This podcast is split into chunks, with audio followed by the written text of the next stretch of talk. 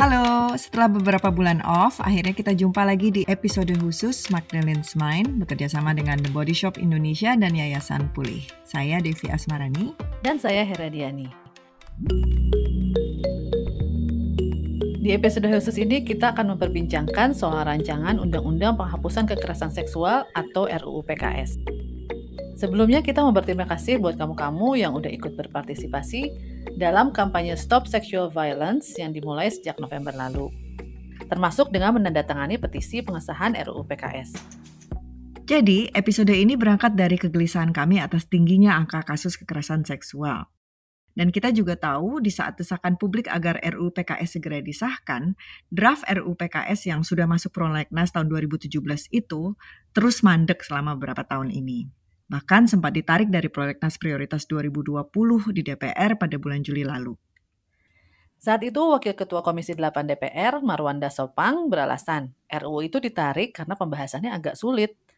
Lebih-lebih fraksi dengan seluruh fraksi di Komisi 8 menemui jalan buntu.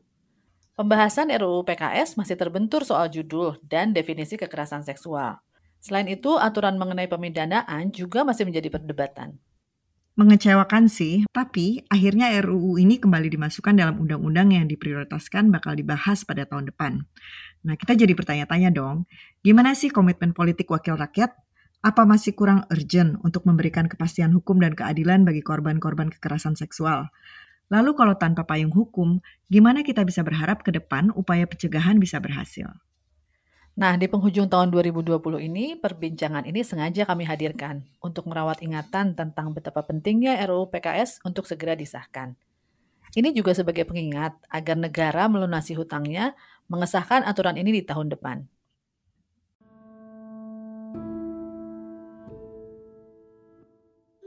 Hai Ami, apa kabar? Udah gendut belum perutnya? Maaf banget ya, Gue gak bermaksud buat nyakitin lo kok. Gue cuma mau having sex. Udah, itu aja. Gue tahu cara gue salah. Jadi gue mau minta maaf sama lo. Jadi kalau ada apa-apa, gue mau buat tanggung jawab. Pesan itu diterima Amy Fitria. Si pengirim pesan itu kemudian teridentifikasi bernama Raffi Izamalah alias Gondes. Ia tinggal di perkampungan di belakang sebuah perumahan di Bintaro. Raffi memerkosa Amy di rumahnya. Amy mengungkapkan peristiwa itu di akun Instagramnya @amifitria.s. Agustus tahun lalu, Amy terbangun dari tidur dan melihat sosok seorang lelaki di rumahnya. Keadaan rumah saat itu sedang sepi. Setahun yang lalu, ada seorang pria yang aku nggak kenali yang masuk ke rumahku dan dia pakai benda besi memukulkan aku beberapa kali ah sehingga aku akhirnya lose conscience dan hampir mau pingsan. Dan di situ saya di perkosa. Tidak tahu dia dari mana dan dia juga siapa. Karena aku belum pernah lihat sosok dia dan wajah dia seumur hidup aku. Setelah pelaku pergi, Amy lari keluar rumah dan mencari bantuan tetangga. Ia dibawa ke rumah sakit untuk visum. Pada hari itu juga laporan disampaikan ke polisi. Sial, dia tidak berhasil membawa kasus ini ke ranah hukum. Bukti yang dimiliki dikatakan tidak cukup kuat untuk diproses ke pengadilan. Padahal ia punya hasil visum dan rekam medik, rekaman CCTV, serta ancaman dan pengakuan tersangka yang menghubungi Amy melalui direct message Instagram. Agustus 2020, sejumlah bukti itu ia unggah di akun Instagramnya. Kami berbincang dengan Emmy untuk mengetahui kondisinya saat ini dan mendengar kembali ceritanya serta harapannya. Hai Emmy, makasih ya udah mau berbagi dengan kami dan memberanikan diri untuk berbagi cerita. Ini tentunya pengalaman yang um, sangat berat dan traumatis, tapi uh, bisa menjadi pelajaran bagi kami semua. Mohon maaf uh, jika dalam sesi wawancara nanti kamu misalnya tertrigger atau terpantik trauma, kamu punya hak untuk tidak menjawab pertanyaan-pertanyaan ini. Uh, jadi uh, Emmy bisa diceritakan nggak apa yang terjadi pada diri Emmy setelah peristiwa itu, uh, apa yang kamu lalui dan apa aja yang kamu lakukan hingga akhirnya muncul keberanian buat speak up? Aku awalnya lewatin fase yang shock. Kenapa sih kejadian ini terjadi? Dan sempat juga menyalahkan diri. ada saatnya aku mikir aku berbuat apa sampai akhirnya bisa mengalami hal seperti itu. Karena aku nggak mau stuck di di mindset yang itu terus aku akhirnya menerima apa yang terjadi dan aku menerima bahwa yang salah itu pelakunya dan bukan aku. Helpless di saat itu jadi aku nggak tahu harus ke mana lagi dan harus minta bantuan sama siapa lagi. Aku udah ke otoritas, tapi pelakunya tetap aja bebas. Dan menurut aku tidak adil. Akhirnya aku speak up untuk mencari bantuan. Uh, ada alasan khusus nggak mengapa memilih menggunakan media sosial untuk menceritakan kisah itu?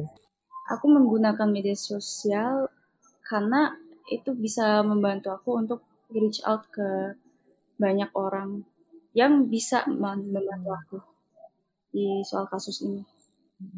Sampai detik aku ngeposting itu pelakunya tetap bebas. Jadi hmm. ya aku mencari keadilan dengan cara aku sendiri. Dan hmm. ya, emang lama banget sih sampai akhirnya si pelakunya ketangkep tapi aku sangat bersyukur sih dia akhirnya ketangkap dan akhirnya juga diproses secara hukum? Uh, itu kan ya sudah jelas ya itu peristiwa yang sangat uh, melukai dan traumatis. Uh, apakah Amy men, uh, ada apa mencari bantuan untuk mengatasi memulihkan trauma atau mengatasi trauma dari peristiwa itu? Selama fase pemulihan sih alhamdulillah aku nggak pernah merasa butuh bantuan profesional secara psikologis untuk hmm tapi emang orang-orang sekitar aku sangat suportif juga dan sangat membantu aku juga untuk menghadapi trauma yang aku telah mengalami. Dengan support hmm. support mental dan aku juga selalu diingatkan bahwa ini bukan salah aku. Dan hmm. emang yang bikin kejahatannya ya si pelaku bukan aku. Hmm dan itu menurut aku ya emang hal yang sangat krusial sih untuk setiap penyintas untuk dapat support.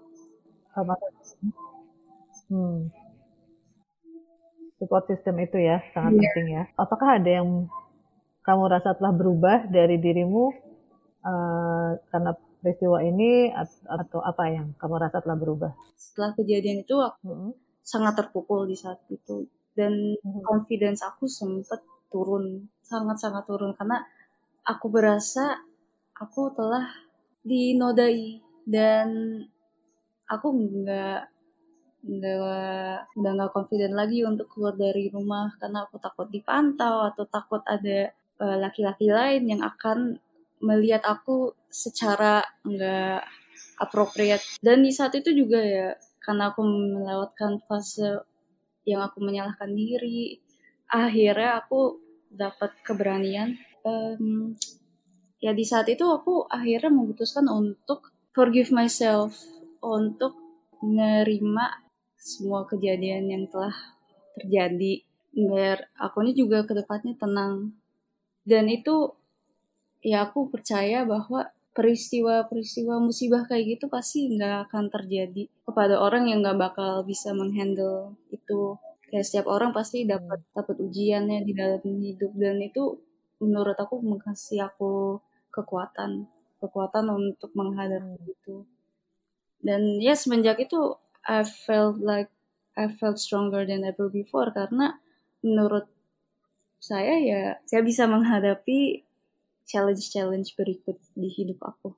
Um, kalau mengingat apa yang kamu sudah alami itu, uh, sebetulnya kalau saat itu apa sih yang sangat dibutuhkan uh, penyintas seperti Emi gitu dari keluarga, penegak hukum, pendamping. Tadi kan Emi sudah menyebut support system, tapi apalagi sih sebetulnya yang dibutuhkan gitu? Ya mungkin dari secara hukum ya penegakan hukum yang lebih cepat dan mungkin lebih serius. Selain support mental yang itu sebenarnya menurut saya uh, the most important thing sih. Nah, uh, bicara soal uh, penegakan hukum, lalu legislasi, Emi tentu tahu kan soal RUU PKS yang tengah diperjuang, didorong untuk disahkan uh, sekarang ini. Ada komentar nggak soal RUU ini? Menurutmu?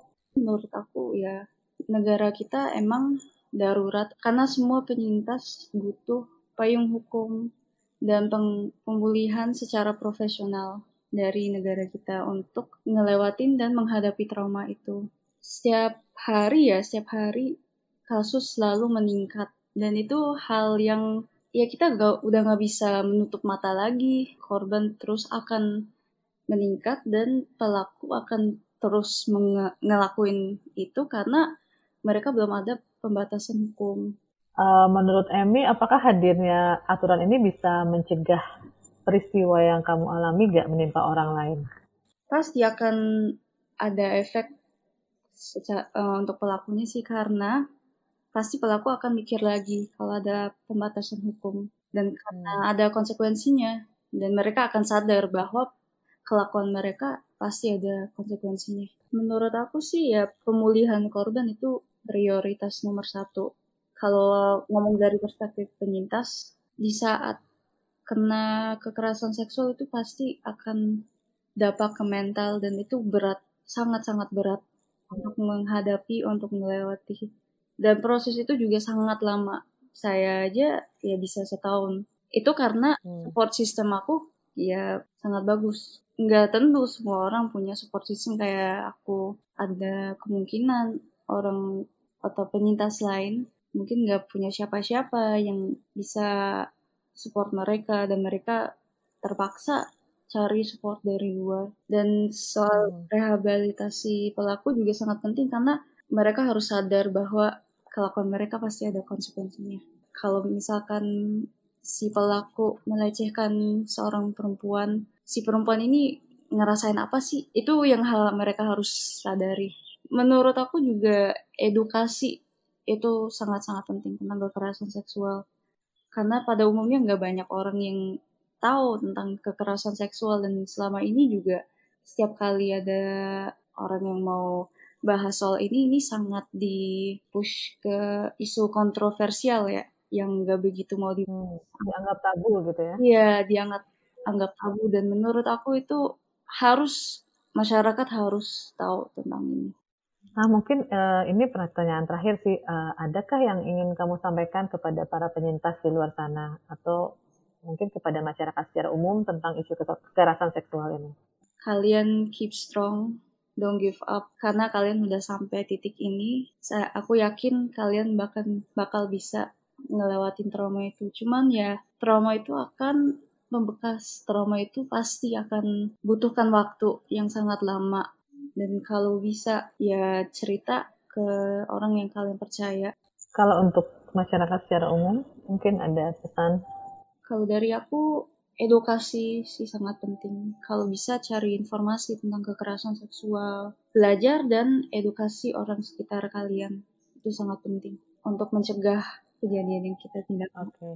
iya Emi, terima kasih banyak ya. Maaf kalau misalnya ini uh, bikin kamu nggak nyaman atau uh, triggering gitu. Um, ini sangat-sangat bermanfaat dan kami harapkan bisa mendorong uh, apa pengesahan RUU PKS ini supaya lebih gitu, lebih kuat dorongannya gitu. Thank you for being so brave. If you need anything, let us know. Gitu. Oke. Okay. Apa yang dialami Amy benar-benar bikin kita geram ya. Kayak gini kan, seharusnya kan bukti dari laporan pemerkosaan yang dimiliki Amy saat itu sudah lebih dari cukup sebagai bukti awal untuk polisi menyelidiki kasus. Udah ada korban, visum, dan rekam medik, juga CCTV, dan ancaman dan pengakuan tersangka. Banyak kasus kekerasan seksual end up di tingkat penyidikan dengan alasan kurang bukti. Ini polisi serius nggak sih dalam menangani kasus? Atau sebenarnya nggak paham soal kekerasan seksual? Dan mestinya nih, jika penyidik mengalami hambatan untuk proses pembuktian, kan mereka bisa meminta bantuan ahli. Masa sih harus menunggu postingan korban di sosmed jadi viral untuk ditindaklanjuti? Iya bener Dev, banyak banget nih kasus pelecehan seksual yang viral di media sosial. Ada aksi pelecehan seksual uh, oleh pegawai Starbucks lah, pelecehan fetish kain jari gilang, terus pelecehan berkedok riset oleh oknum dosen, dan pelecehan oleh youtuber kepada seorang teman perempuannya di asrama. Pokoknya banyak banget itu bikin kita merasa kok gini amat ya hidup ya kok nggak aman sih Lucunya lagi, ketika ada aturan yang mestinya segera disahkan untuk memberi rasa aman itu, kok ya mandek terus? Bisa nggak sih negara betulan hadir bagi korban dan serius mengupayakan langkah pencegahan? Kita kepingin negara bisa menciptakan sistem pencegahan, pemulihan, penanganan, dan rehabilitasi kekerasan seksual.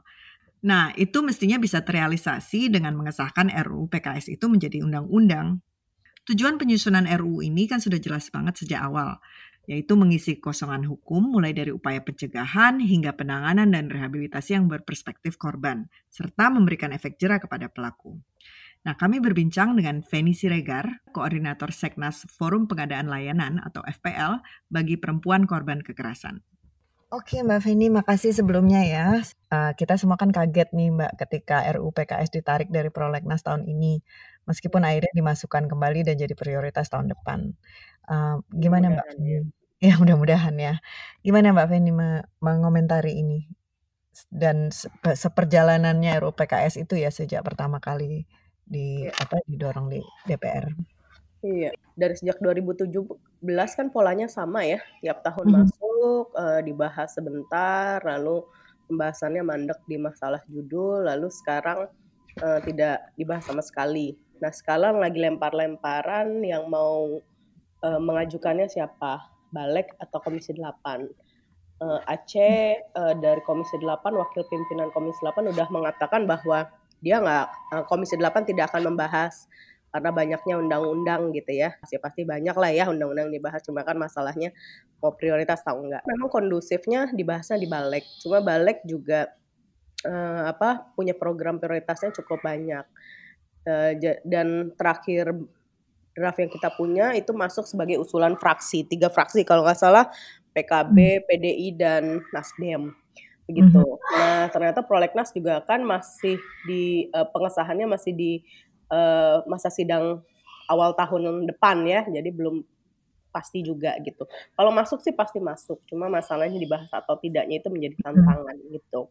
Karena sampai hari ini ya sebenarnya tantangannya kalau masal kalau untuk di luar misalnya begitu ya, masyarakat um, atau lembaga layanan atau penyintas uh, sebenarnya sudah siap dengan datanya bahkan KPPA juga mungkin sudah siap dengan datanya cuma kan sekarang bolanya ada di DPR uh, eh, mereka ya. memang mau atau tidak membahas RUU penghapusan kekerasan seksual ini terlepas dari banyaknya kontroversi gitu tapi kalau sebagai uh, eh, DPR yang tiap dua bulan atau sebulan setengah sekali reses dan harusnya dia tahu per permasalahan di masyarakat gitu ya bahwa kekerasan seksual memang udah menjadi isu bersama yang memang uh, tidak bisa diselesaikan gitu itu sih Ya, kita memang semua menaruh harapan besar pada RUU ini ya, Mbak ya, seperti Mbak hmm. bilang tadi. Sementara uh, apa namanya masih belum ada kejelasan juga apakah tahun depan akan dijadikan prioritas meskipun sudah masuk.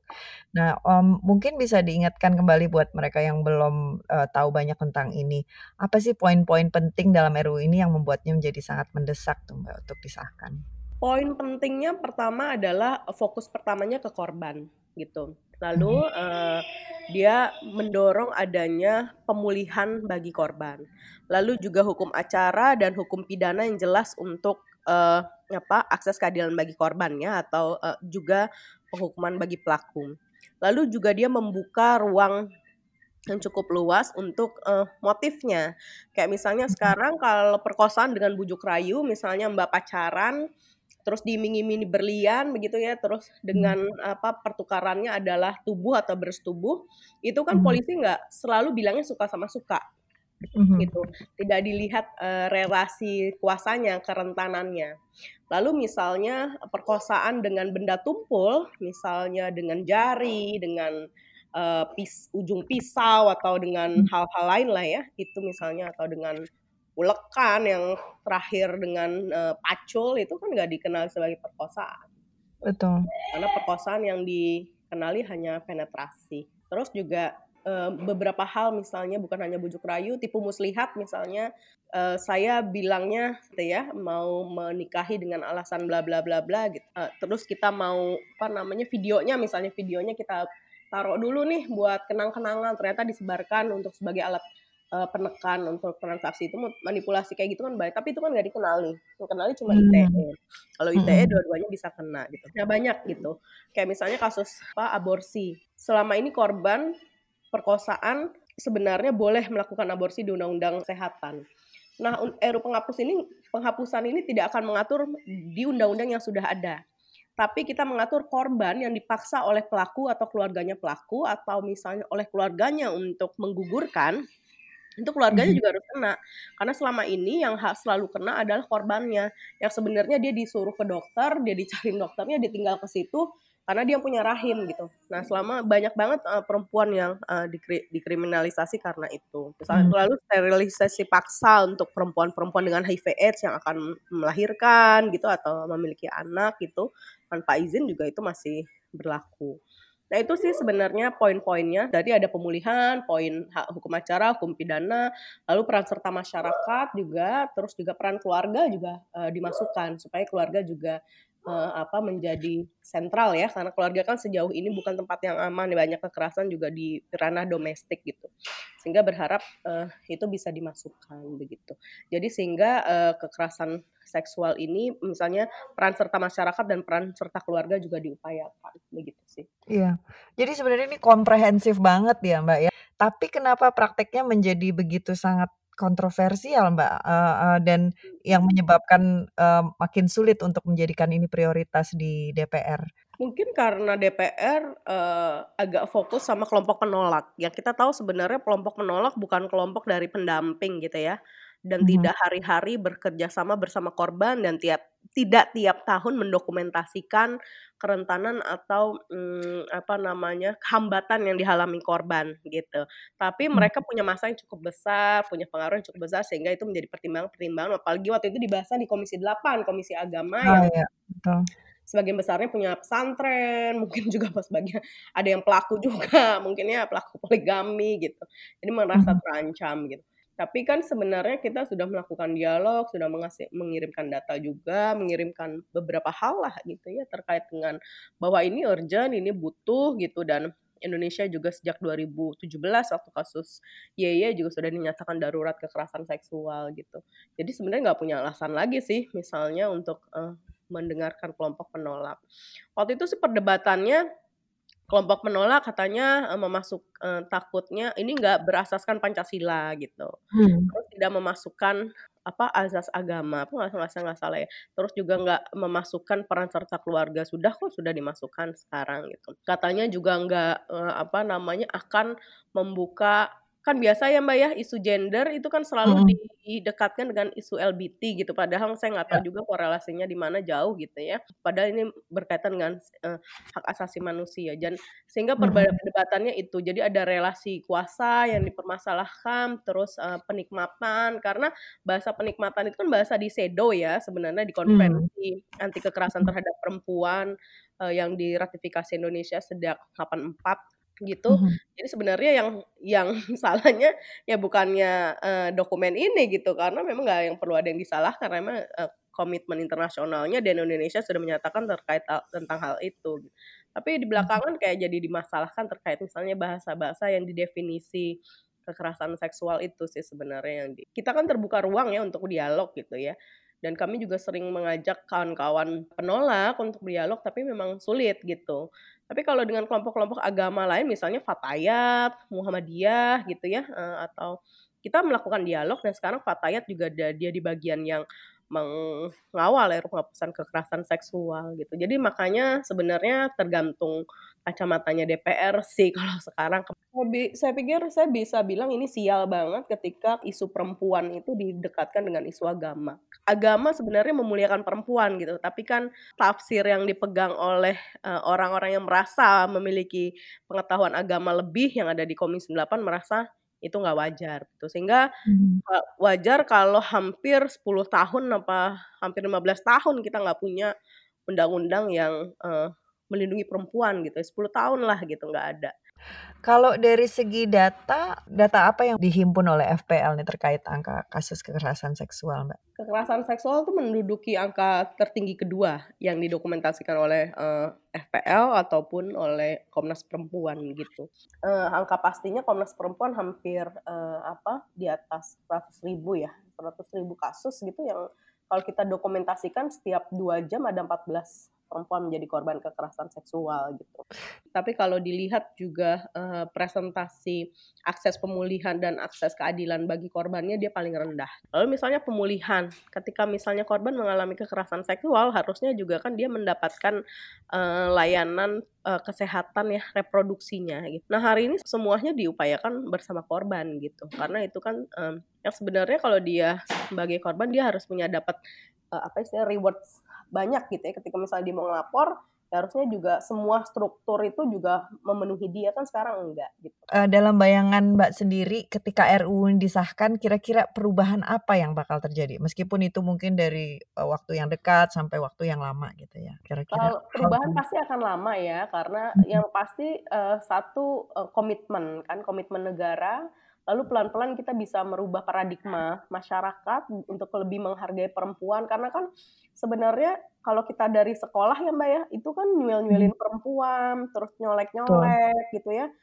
itu kan hal yang lucu kalau menurut kawan-kawan cowok gitu kan ya hal-hal yang hmm. biasa dia sepele gitu kan nah itu hmm. nah mungkin karena budaya budaya patriarki kita cukup tinggi gitu sehingga uh, apa namanya me, membincang tentang uh, tubuh perempuan, terus uh, apa melecehkan perempuan itu dianggap lelucon gitu. Itu kan hal yang biasa. Sehingga kalau ada undang-undang ini uh, apa dari mulai keluarga begitu ya sampai dunia pendidikan, sampai dunia bekerja paham bahwa bagaimana kita sebagai perempuan dan laki-laki itu hidup di negara ini gitu untuk saling memiliki haknya masing-masing, saling menghargai, lalu mungkin untuk di kalau di proses hukum uh, aparat penegak hukum punya kepastian juga kepastian bagaimana menggunakan pasal-pasal yang dikenakan oleh untuk pelaku gitu ketika modusnya uh, apa modisnya itu yang tidak terjawab sama kebijakan sekarang. Misalnya kayak bujuk rayu tadi benda tumpul atau tipu muslihat begitu begitu itu sih mbak. Yeah.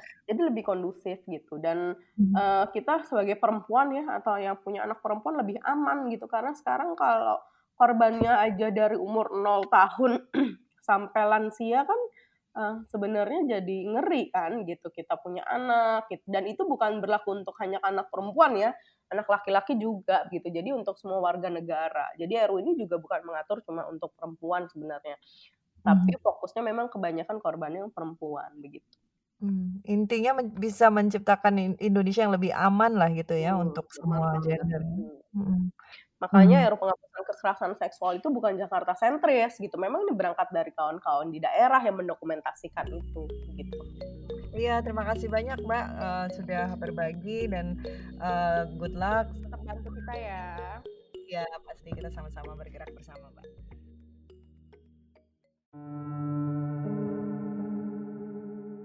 Gini Mbak ya, uh, ini tuh nggak cukup kuat dijadikan bukti pemerkosaan gimana ya? Dia juga salah sih. Lagian pakaiannya juga begitu. Coba deh kalau nggak begitu. Ya nggak ya mungkin gak kejadian udah kan? sabar ya mbak. Minta petunjuk sama Tuhan. Dia udah mau nikahin kamu. apalagi sekarang. udahlah selesai baik-baik. gak usah diperpanjang. ribet nanti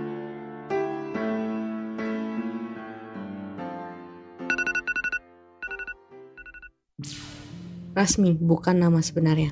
Menjadi korban perkosaan dan pelecehan seksual 10 pria di daerah Tasikmalaya, Jawa Barat. Perempuan berusia 16 tahun itu menjadi sasaran pelaku selama satu tahun terakhir. Pelaku di antaranya merupakan tetangga Rasmi dan sepupu ayah Rasmi. WA, perempuan berusia 15 tahun asal Jambi, dijatuhi vonis 6 bulan penjara oleh Hakim Pengadilan Negeri Muara Bulian. WA dinyatakan bersalah sebab menggugurkan kandungan hasil perkosaan oleh kakak kandungnya sendiri. NF, tersangka kasus pembunuhan balita, belakangan baru diketahui merupakan korban pemerkosaan. Polisi telah menetapkan tiga tersangka pemerkosaan terhadap NF, yaitu dua pamannya dan kekasihnya. Bagaimana ya kabar mereka hari ini? Bagaimana coba mereka melanjutkan hidup? Kasus kekerasan seksual merupakan problem psikologis yang penanganannya nggak bisa hanya berupa hukuman pidana ketika pelaku kekerasan sudah tertangkap. Dua hal penting lainnya yang tertera dalam RUU PKS sehingga kehadirannya jadi amat penting adalah soal memastikan pemulihan korban kekerasan seksual dan ketentuan rehabilitasi khusus terhadap pelaku agar tidak mengulangi perbuatannya. Apa sebenarnya dampak dari tindak kekerasan seksual Apa saja kesulitan yang dihadapi dalam upaya pemulihan korban, terutama dengan ketiadaan perangkat hukum yang jelas? Kami berbincang dengan Ika Putri Dewi, psikolog di Yayasan Pulih. Mbak Ika bisa dijelaskan nggak apa aja sih dampak psikososial yang dialami seorang korban kekerasan seksual? Uh, di dalam dirinya sendiri tentunya uh, dari segi pola pikir ya. Pola pikirnya bisa aja dia muncul gitu ya kebingungan, kemudian kebingungan itu uh, apa yang saya alami ini kekerasan atau bukan sih gitu. Atau apa sih sebenarnya saya alami kebingungan dengan penghayatan peristiwanya itu sendiri gitu ya. Kemudian sering juga korban juga menjadi terbayang-bayang peristiwa yang sudah dialami gitu. Kekerasan seksual yang sudah dialami. Kembali lagi seperti itu kembali lagi seperti itu gitu ya ingatan-ingatan itu. Kemudian sulit mengambil keputusan gitu ya. E, dari segi perilaku biasanya terdapat perubahan-perubahan sikap dan itu terutamanya perubahannya ke arah yang lebih negatif misalnya menjadi eh, gangguan-gangguan gitu ya misalnya kesulitan tidur, kesulitan beraktivitas uh, secara normal dalam keseharian, kesulitan untuk uh, menjalankan yang menjadi peran-perannya dia dalam keseharian gitu ya. Kemudian juga ada gangguan makan dan gangguan-gangguan yang lain gitu yang terkait dengan perilaku. Atau juga uh, perasaan, aspek perasaan itu masih dalam diri ya kita bicara. Aspek perasaan itu bisa kesedihan gitu ya, rasa takut yang luar biasa, rasa tidak aman, rasa tidak nyaman gitu. Kemudian juga rasa tidak percaya kepada lingkungan, kemudian rasa marah gitu. Bisa juga seperti itu. Atau juga atau rasa tidak berdaya gitu ya. Kemudian ada juga nilai-nilai spiritual gitu. Akan benar nilai-nilai akan benar salah gitu ya. Kemudian praktek agama, kemudian uh, jadi bisa mempengaruhi juga gitu uh, dari individu itu sendiri. Kemudian secara sosial ekonomi, relasi dengan keluarga, dengan teman, kemudian juga ketergantungan gitu ya, atau malah menarik diri gitu ya, e, tentunya akan mempengaruhi juga situasi keluarga. Kemudian juga lebih luas lagi mungkin komunitas yang ada di sekitarnya. Dampaknya cukup kompleks gitu dalam pada diri korban yang mengalami kekerasan seksual um, yang masih terjadi di Indonesia adalah ada stigmatisasi pandangan hmm. orang, persepsi orang terhadap dirinya sebagai seorang yang telah berubah gitu kan ya. Itu dampaknya itu gimana ya Mbak ya? Sangat mempengaruhi dampak. Apakah sikap dari keluarga, sikap dari masyarakat, sikap dari institusi gitu ya, yang di mana dia bernaung misalnya gitu ya, kalau hmm. memang mampu menunjukkan dukungan, tentunya akan sangat membantu proses pemulihan. Apalagi ketika korbannya itu dalam usia anak-anak atau remaja. Ya, pada orang dewasa pun juga sangat penting gitu ya, mutlak dibutuhkan gitu. Nah, menunjukkan, nah kalau tetapi kalau misalnya masyarakat gitu ya atau sorry keluarga masyarakat gitu ya atau institusi di sekitarnya malah menunjukkan sikap misalnya cenderung menyalahkan, kemudian juga apa namanya tidak percaya gitu terhadap ceritanya gitu ya, cenderung menghakimi, menilai, tidak memvalidasi emosi korban. Padahal salah satu yang cukup kuat muncul itu juga dampak secara emosional. Uh, itu apa namanya luar biasa gitu cukup kuat gitu dalam diri korban. Dan sehingga dibutuhkan sebenarnya uh, validasi gitu terhadap emosi korban. Jadi memahami bahwa setiap emosi yang muncul uh, pada diri korban itu sebenarnya hal yang wajar, merupakan dampak yang wajar muncul ketika memang seseorang mengalami kejadian traumatis seperti kekerasan seksual itu sendiri. Nah, apakah hmm. lingkungan memang mampu itu gitu ya? Kemudian juga stigma tadi gitu ya bahwa korban malah jadi korban kembali gitu ya karena memang stigma itu kan sebenarnya akarnya gitu ya bisa dibilang kalau dalam kaitannya kasus kekerasan seksual ini kan adalah pemahaman gender yang keliru gitu ya pemahaman gender yang memang tidak adil gitu kan memojokkan perempuan gitu ya memposisikan perempuan memang lebih rendah kemudian budaya patriarki dan sebagainya gitu.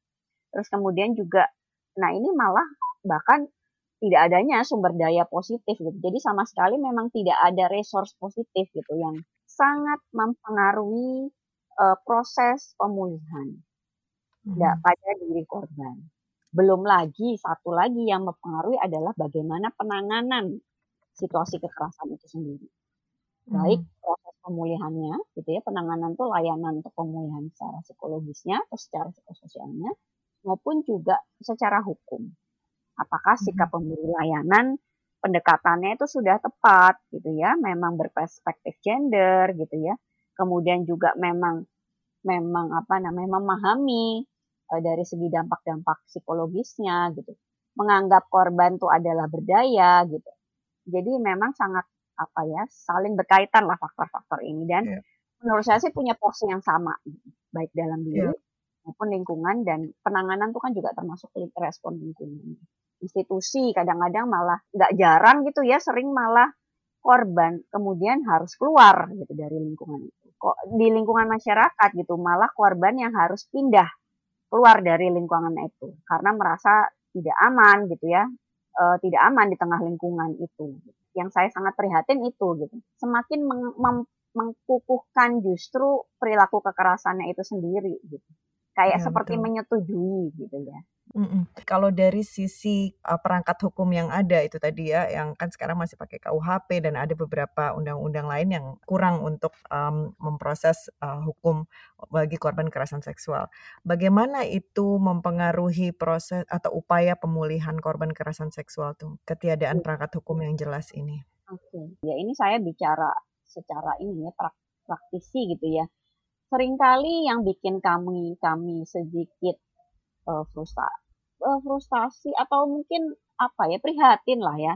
Jadi ketika misalnya proses hukum selesai gitu ya, hasilnya pun juga mungkin kadang-kadang kita lihat kok kurang berkeadilan karena memang konsekuensinya kok kurang sesuai gitu ya dengan apa dengan apa yang dilakukan pelaku gitu ya. E, juga setelahnya gitu kita nggak pernah bisa menjamin apakah memang korban e, mendapatkan pemenuhan haknya atas pemulihan. Gitu. Hmm. Kemudian juga belum lagi ketika ber, dalam proses gitu ya, mulai dari awal sekali gitu ya penyidikan dan sebagainya gitu.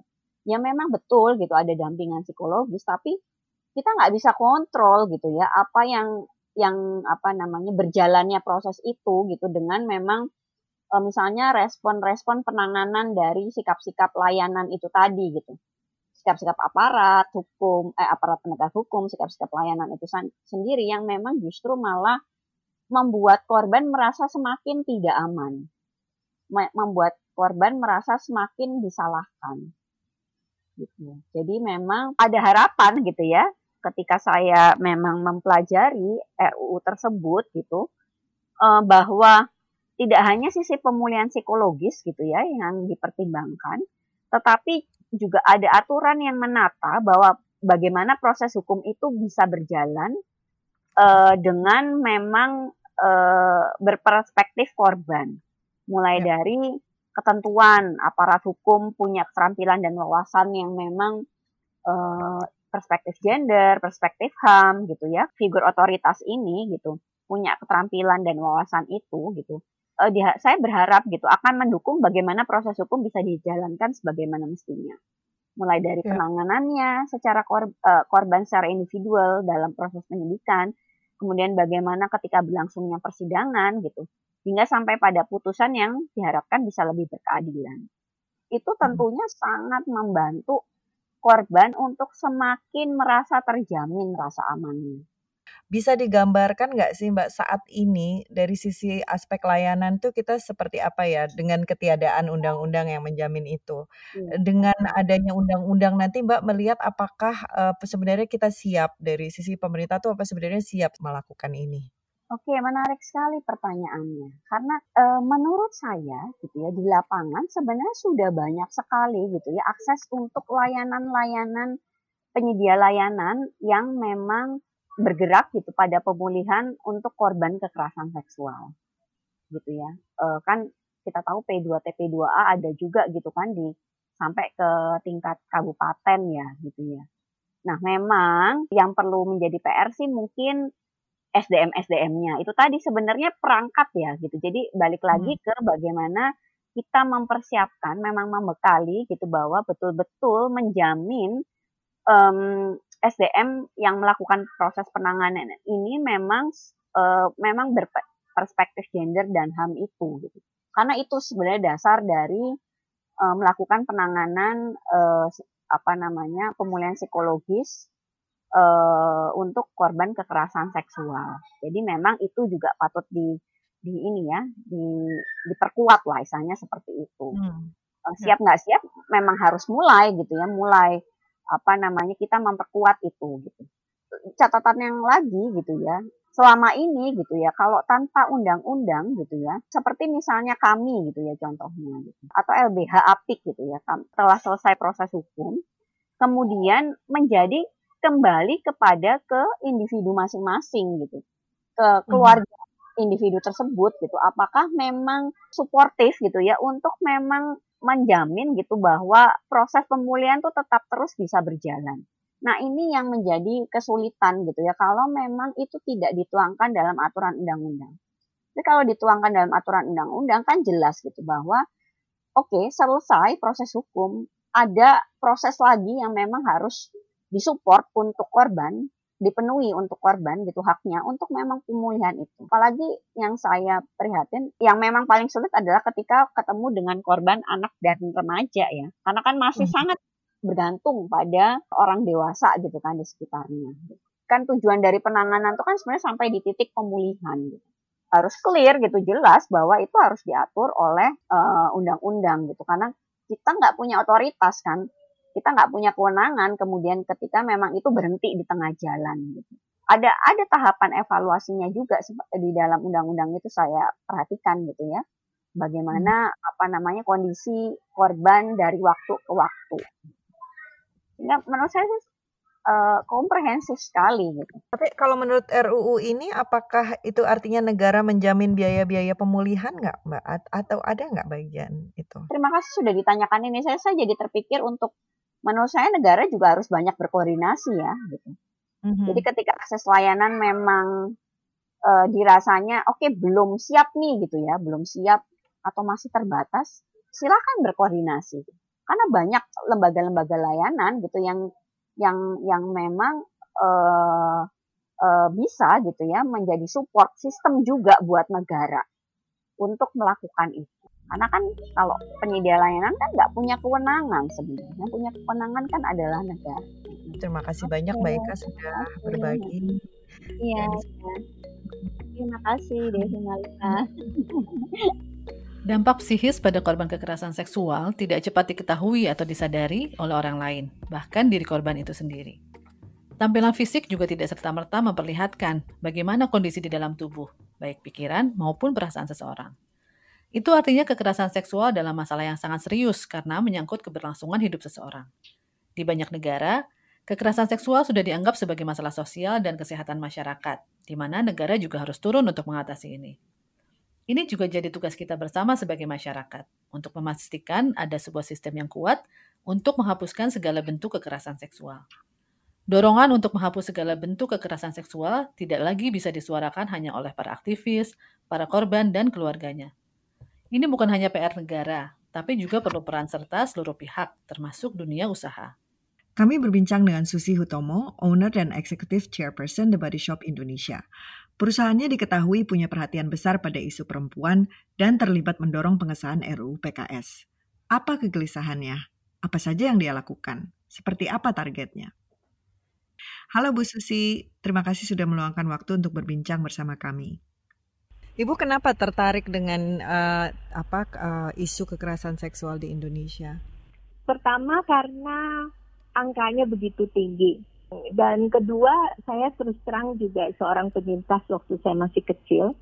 Jadi dari dulu memang saya sangat peka ya terhadap banyaknya kejadian kekerasan seksual yang ada di sekitar saya.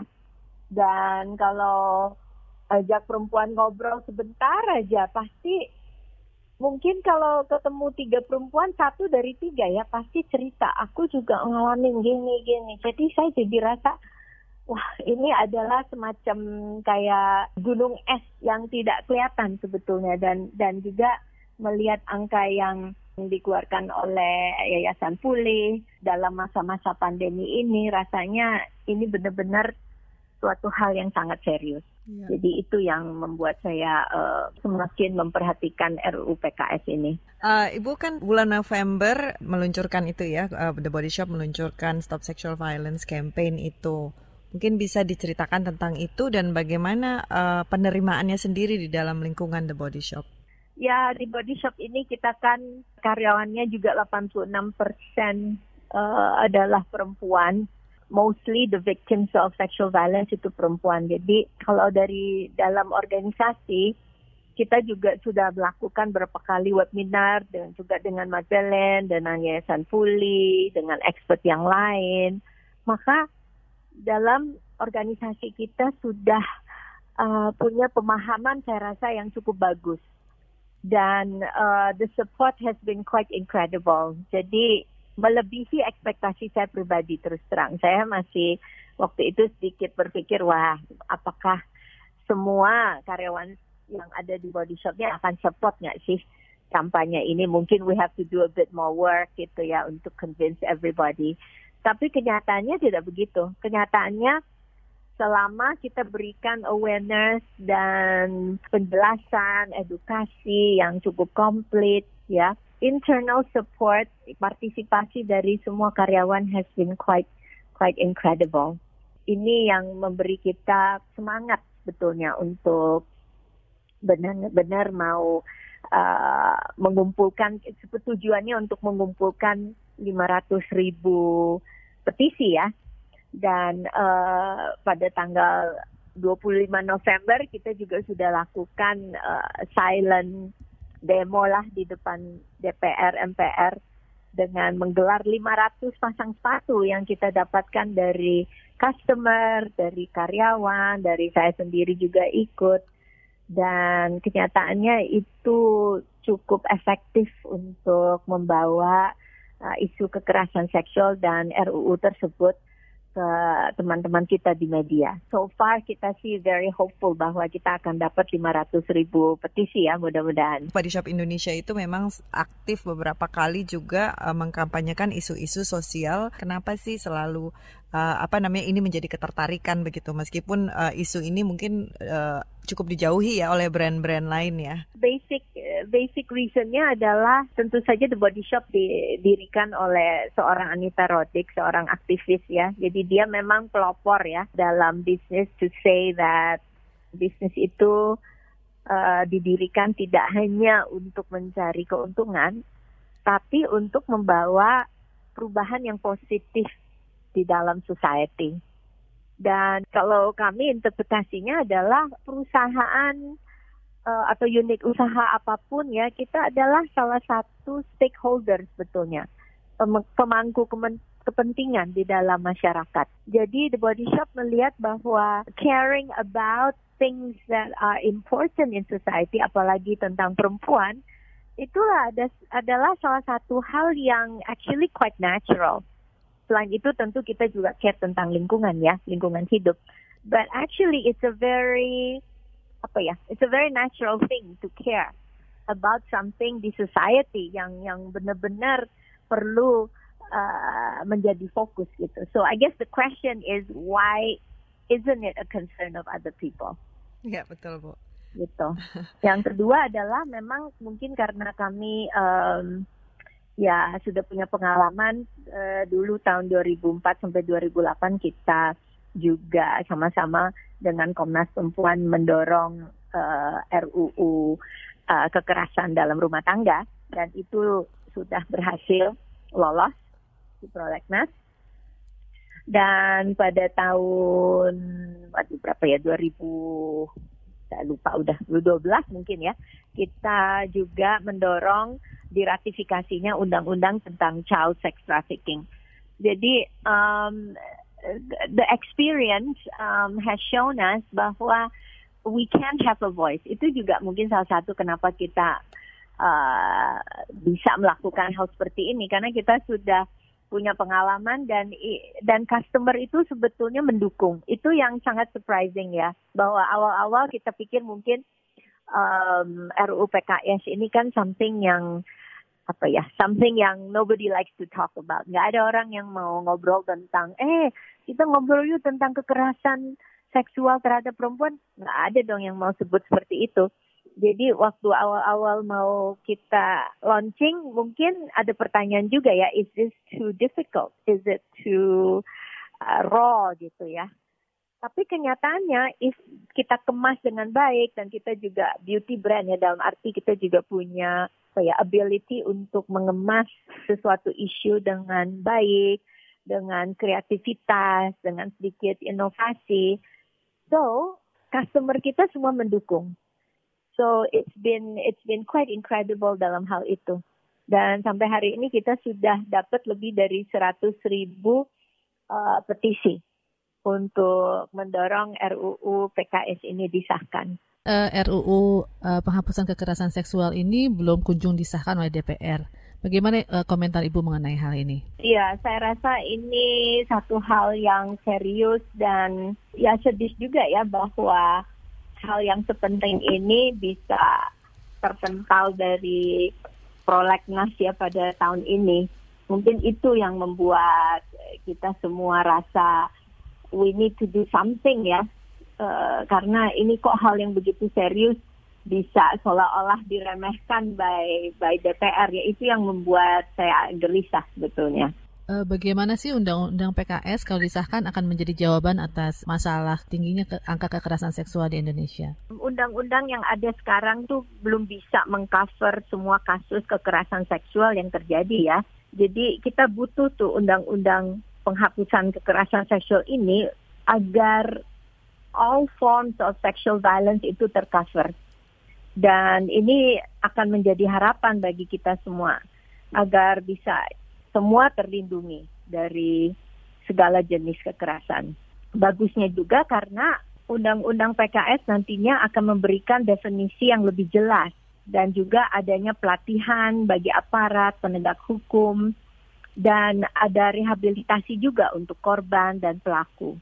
Jadi kita bisa dengan undang-undang tersebut break the cycle of violence ya um, dengan lebih banyak orang sadar dan juga ada unsur rehabilitasi itu itu sangat positif dalam rancangan undang-undang ini. Kita akan menutup tahun 2020 ini dengan harapan bahwa tahun depan rancangan undang-undang penghapusan kekerasan seksual dapat segera disahkan. Kita ingin tren kasus kekerasan seksual dapat diturunkan. Kita ingin rasa aman dari ancaman kekerasan seksual itu betul-betul bisa terwujud. Saya Devi Asmarani. Dan saya Heradiani. Sampai jumpa di tahun 2021.